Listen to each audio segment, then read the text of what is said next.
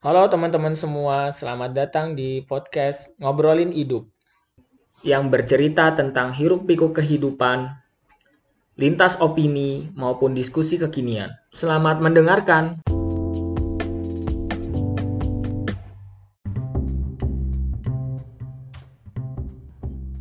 Oke, sekarang gua nggak bakal sendirian, tapi temani sama dua temen gua. Yang pertama Kak Dini, yang kedua Kak Nabil, dan insya Allah kita akan sama-sama diskusi tentang emosi atau amarah. Ya, pasti teman-teman semua pernah dong merasakan amarah karena kita manusia, ya nggak sih? Oke, langsung aja ya. Cara mengatur emosi menurut Mbak Dini gimana sih? Coba, silakan. Hmm, kan ini maksudnya emosi ini kan ya marah kan gak ngegas gitu kan? Iya. Ya oke. Cara sebenarnya sebenarnya kalau misalnya biar nggak ngegas pas puasa itu gampang sih, tinggal tidur aja, jadi nggak akan ngegas kan? Oke. Sih? Oke, oke, oke. Berbobot. Mending nggak tidur. Makanya makanya orang kan bilang tidur di ketika puasa itu lebih itu ibadah kan? Maksudnya, maksudnya maksudnya itu lebih baik daripada ketika dia bangun dia marah-marah, dia ngegibah orang. Jadi itu jadi ibadah buat dia tidur karena kalau dia nggak tidur dia malah itu bahasanya membuat dosa gitu. Jadi cara jitu yang paling jitu menurut aku biar nggak ngegas pas puasa itu adalah tidur. Iya sih. Ya tidur. Ya kalau udah bangun Bener kan? tidur gimana nih? Benar. Iya. Tidur dari ba'da tidur. subuh sampai ini ya, sampai maghrib. Enggak, Hmm. astagfirullahaladzim tuh kan. Ini lagi bahasa terus gue Kan biar gak marah sama terus gue, gue udah sekali. ngegas dong. Aduh. Ya. Hmm. Yang pertama kita harus sadar dulu, sadar bahwa kalau misalnya ngegas atau kita marah-marah tuh yang rugi kita. Yang rugi itu kita gitu. Karena setiap kemarahan itu, emosi marah itu pasti diakhiri dengan penyesalan. Hmm. Diawali dengan kegilaan. Apa ya? Kok bahasanya gila, kasar banget kegilaan dan diakhiri dengan penyesalan gitu. Eh, kalau misalnya kita eh, ada sesuatu yang bikin kita gak enak nih. Nah, hal langkah pertama yang aku pakai itu adalah eh, pertama cari tahu dulu alasan reason ya bahasa Inggrisnya. Ya, Rizan. eh, ya pokoknya al- alasan dari si orang itu kenapa gitu sama kita? Bahkan ketika orang itu misalnya eh, berbuat jahat misalnya dia ngomongin jelek sama kita kita tuh harus lihat dulu gitu Eh, barangkali dia itu punya penyebab. Misalnya eh, dan penyebab itu gak, gak selalu harus benar gak selalu harus benar tapi ketika kita tahu dia memiliki alasan kita akan eh, makin apa makin gimana ya? Makin ngerasa long gitu, makin merasa mendingan. Misalnya ada orang eh, misalnya marah-marah sama kita, terus eh, kita itu lihat kalau dia itu dulu sering dimarahin sama bapaknya, atau misalnya dia itu anaknya broken home, kan nanti kita tuh Hmm. jadi mikir, oh eh, ternyata dia itu punya alasan di balik dia yang suka marah-marah itu. Jadi eh, minimal kita itu jadi agak lega gitu dan kita nggak akan balik marah, toh dia eh, ada alasan gitu, walaupun sebenarnya malah itu marah itu tetap salah tapi karena kita tahu dia ada alasan ya ya udahlah gitu.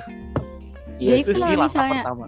Kalau misalnya udah tahu alasan mereka marah sama kita, meskipun eh, nggak benar juga gitu alasannya, ya kan? Meskipun nggak benar alasan, terus kita iya. bisa nerima gitu aja. bukan nerima tapi seenggaknya hati kita itu agak lebih enak gitu. Soalnya kan eh, karena apa? Karena kita nggak diliputi sama kecurigaan pikiran kita nggak negatif mulu gitu Tapi kan ngegas itu sesuatu nggak? yang langsung datang tiba-tiba nggak bisa ditahan gitu loh. Maksudnya ya kali lu berhenti dulu gitu, diam terus kayak nyari tahu dulu dia kenapa ya marah sama gua lama cuy sedangkan ngegas itu sesuatu yang bentuknya impulsif gitu langsung deng datang Tapi Iya. emosi Berarti kan- emosi orang lain kan di luar kendali kita, cuy. Jadi ya mau gimana Iya. juga kan tetap aja yang bisa kita kendalikan hanya perspektif kita gitu. Jadi mau mereka marah, mau mereka nyakitin kita, mau mereka kayak gimana, ya usahakan diri kita tetap bahagia gitu loh. Itu sih. coba kalau- coba coba Ali gimana nih kalau misalnya kasusnya kayak iya. gitu Kalau menurut gue sih ya yang pertama kalau kata Marcus Aurelius kan ya setiap hari kita harus mengawali mengawali untuk berkata pada diri sendiri, hari ini saya akan menemukan gangguan. Orang-orang yang tidak tahu berterima kasih, hinaan, ketidaksetiaan, niat buruk, dan keegoisan, semua itu karena pelakunya tidak mengerti apa yang baik dan buruk. Saya tidak bisa disakiti oleh semua itu. Karena tidak ada orang yang bisa menjerum, menjerumuskan saya ke dalam perbuatan buruk dan saya mampu untuk tidak menjadi marah atau membenci sama saya karena sesungguhnya kita dilahirkan ke dunia ini untuk bekerja sama. Jadi ya di filsafat stoa itu kita diajarkan untuk uh, apa ya lebih of thinking memikirkan bahwasannya orang-orang pasti bakal ngina saya, orang-orang bakal ngatain saya, orang-orang bakal nyiksa saya, orang-orang bakal ber apa ya bertindak buruk kepada saya gitu. Dan saya harus menerima setiap apa yang uh, orang-orang lakukan terhadap saya. Tapi uh, saya harus tetap bahagia. Karena di dunia ini saya uh, berhak untuk bahagia setiap hari. Dan uh, di sini penulis uh, filosofi teras juga ngasih tips ke kita ya kalau misalkan ada masalah atau misalkan kita lagi ngeluh dan lain sebagainya gitu. Pokoknya emosi-emosi negatif itu datang uh, beliau uh, apa ya meringkas itu dalam satu kata start stop think assess uh, sama respon. Jadi stop dulu begitu emosi negatif itu datang secara sadar kita harus berhenti dulu. Jadi kita diem dulu. Uh, terus jangan sampai terlarut lama gitu kan dengan uh, apa ya emosi-emosi negatif kita gitu kan. Kayak khawatir takut marah terus cemas dan sebagainya. Terus baru kita pikirkan sing sama assess gitu. Dipikirkan dan dinilai. Sesudah menghentikan proses emosi sejenak kita bisa aktif berpikir terus memaksakan diri kita untuk berpikir secara rasional. Nah, terus kita mengalihkan emosi-emosi negatif tadi, kemudian menilainya gitu kan. Misalkan nih, misalkan kita kena macet ya, kena macet. Kan ini di luar kendali kita gitu kan, kena macet.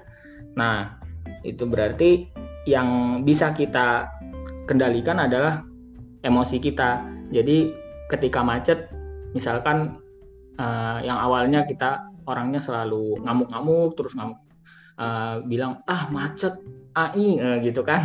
Biasanya keluar-keluar uh, apa ya kata-kata sumpah serapah kayak gitu kan.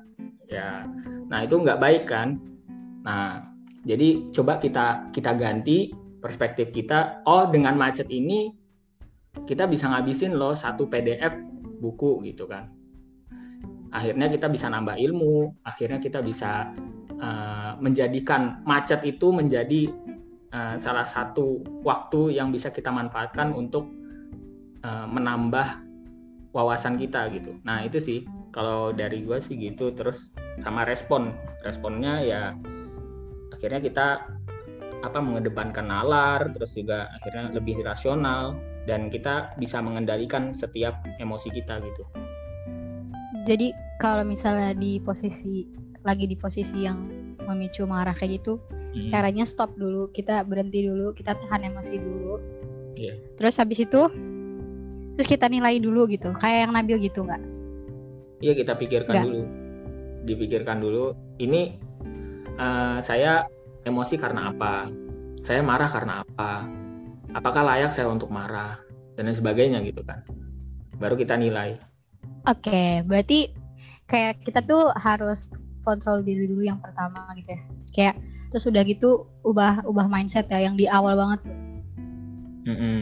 ya kayak gitu sih jadi yang kayak banyak hinaan gitu banyak orang yang akan tidak berterima kasih dan saya ya, tidak akan bener banget sih gitu. Mm -hmm. tapi kalau kalau kayak gitu berarti dia selalu berpikiran bahwa di sekitar dia itu orang-orang nggak bener nggak sih maksudnya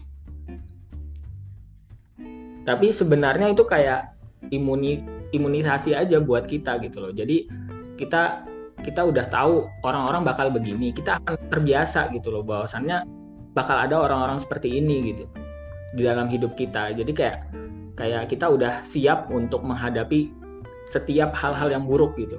Eh, tapi li kalau gini ya kalau misalnya ada eh, hal jelek yang datang ke kita misalnya dosen killer Hmm. eh sebenarnya kita tuh bisa nggak sih kayak gini? Kayak ada dosen killer terus kita cuman responnya oh ini dosen killer. Udah itu aja gitu. Nggak mikir apa nggak nggak mikir oh ini dosen killer oh berarti nanti saya bakal eh, apa dikasih tugas ini bakal nilai bakal kecil bakal ini itu bakal ini itu. Sehingga- ntar pikiran kita jadi jadi negatif. Bener nggak sih kalau gitu? Ya kalau kalau di filsafat stoa tuh kayak gini loh. Kayak apa ya Eh, misalkan nih lu punya adik ya yang paling lu sayang gitu. Paling paling lu sayang.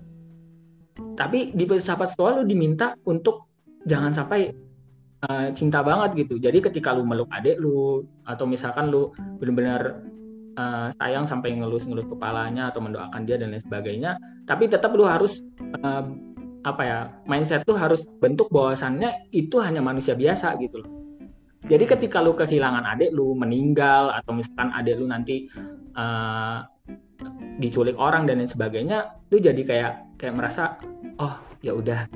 Oh ya udah gitu ya. Ya gitu aja kayak kayak ya udah gitu loh. Ini ini hanya manusia biasa dan dia luar kendali gua dan dia bakal hilang dia bakal datang dan pergi dan lain sebagainya gitu. Kayak misalkan ya ya kita dalam Islam tahu lah ya kayak eh, bahwasannya keluarga terus harta dan lain sebagainya itu ada ada titipan dari Allah gitu kan. Ya nggak sih? Titipan dari Allah dan Hmm. dan Allah tuh berhak banget sih buat ngambil uh, semua itu gitu loh.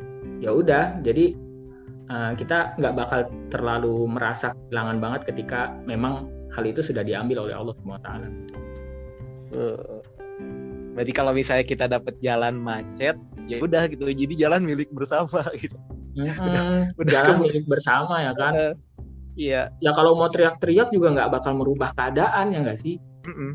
ya udah terima aja macet ya udah macet gitu. Hmm, gak usah mikir saya bakal telat terus bakal panas waktu saya habis gitu. Lebih Iya, kepada ini nggak gitu. sih sebenarnya? Kan tadi kayak kontrol diri dulu gitu kan kontrol diri. Hmm. terus berikutnya cari bright side every moment gitu kan at every moment. Kayak kita selalu mencoba nyari sesuatu yang baik dari segala hal gitu. Kayak tadi Iya. bilangnya macet. Hmm. kita tahu kita marah-marah nggak akan ubah macet itu jadi kelar juga. Daripada kita fokus terhadap kemacetan itu kita fokus kepada hal yang bisa kita lakukan dalam mengisi waktu ketika macet gitu kan. Iya iya kayak Ali tadi ngabisin PDF satu ya. Masya kayak banget Ali emang. Iya wah. kalau naik motor emang bisa ya sambil ikutin PDF ini enggak deh. Ya nggak bisa Gua lah. tahu Ali tuh yang pengalaman. Cara jitu dari Ali biar nggak ngegas itu yang pertama tuh kontrol diri. Intinya tuh sebenarnya kontrol diri gitu. Kit- karena kita nggak bisa mengontrol apa yang ada di luar kita jadi eh, kita tuh cuma bisa fokus terhadap pengontrolan diri bagaimana kita ngolah emosi kita iya benar. Terus kalau kalau nggak tahu ya aku aku ngambil ngambil kayak sedikit poin gitu bahwa kayaknya prinsip yang diambil sama Ali itu adalah gimana caranya bikin hati atau perasaan tuh biasa aja atas apa pun. Iya. Hmm. ya nggak sih? Iya. Ya aja Tapi- terima aja gitu. Iya kayak ya udahlah kayak ya udahlah ya udahlah gitu sih kayak macet ya udahlah. Eh tapi Gitu tapi perlu teman-teman ketahui juga ya kalau eh, mereka yang menganut atau mengambil eh, prinsip dari sahabat stoa mereka nggak lempeng-lempeng aja gitu hidupnya. Maksudnya pasrah-pasrah banget nggak juga. Karena memang eh, dari mereka pun ada juga gitu loh orang-orang yang tetap mengkritik pemerintah. Bahkan beberapa dari mereka juga kan kayak Marcus Aurelius itu eh, dia raja gitu loh ya kan?